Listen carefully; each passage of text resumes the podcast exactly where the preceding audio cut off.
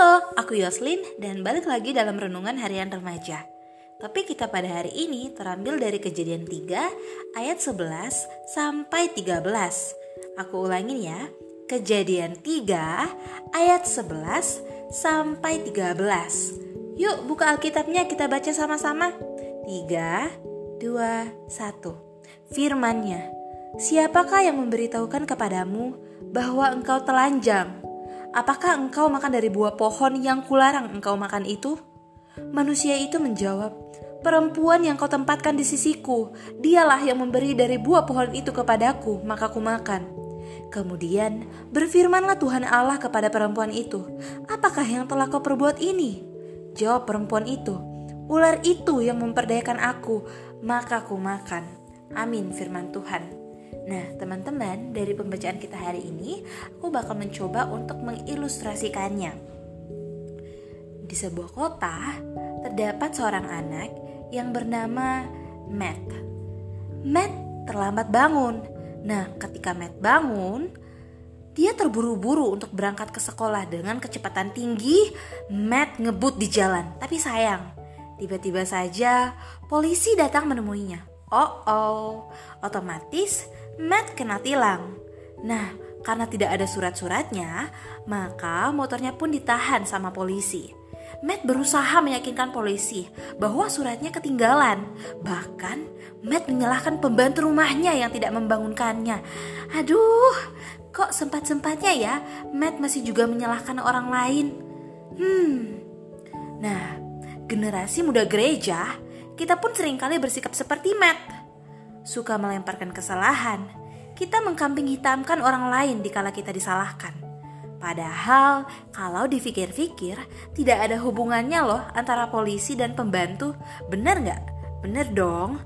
Yang jelas itu kesalahan Matt sendiri karena terlambat bangun.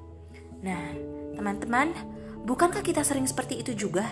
Berusaha membenarkan diri saat telah melakukan kesalahan, lalu mencari objek yang dapat dipersalahkan kita sering menyalahkan orang tua, sahabat, teman, jalan macet, dan lain sebagainya, padahal tidak ada kaitannya dengan kesalahan yang kita buat. Bahkan, tidak sedikit pula anak-anak muda yang terlibat pelayanan mengkambing hitamkan pelayanan yang terlalu padat sehingga menyebabkan anjloknya nilai mata kuliah atau mata pelajaran mereka. Aduh, Nah, teman-teman, ini merupakan hal yang sama yang dilakukan oleh Adam dan Hawa. Ketika Tuhan menanyakan mengapa mereka memakan buah terlarang, mereka justru saling melempar kesalahan, padahal itu merupakan kesalahan mereka sendiri. Nah, kita pun cenderung menyalahkan orang lain atau keadaan yang tidak ada hubungannya dengan kesalahan kita. Mungkin sesekali kita berhasil menghindari dengan mengkambing hitamkan hal-hal yang lain namun di lain waktu, Tuhan akan mengajar kita dengan hal serupa sampai kita benar-benar secara terbuka mengakui kesalahan kita. Oleh karena itu, teman-teman, belajarlah untuk bertanggung jawab atas apa yang kita perbuat. Memang berat sih, tapi semua itu untuk kebaikan kita di hadapan Tuhan. Nah, teman-teman, kira-kira untuk pertanyaan refleksi kita pada hari ini adalah hmm apakah kamu masih sering menyalahkan Tuhan atas segala sesuatu yang kamu lakukan? Yang kedua, apakah kamu sering mengkambing hitamkan orang-orang di sekitar kamu?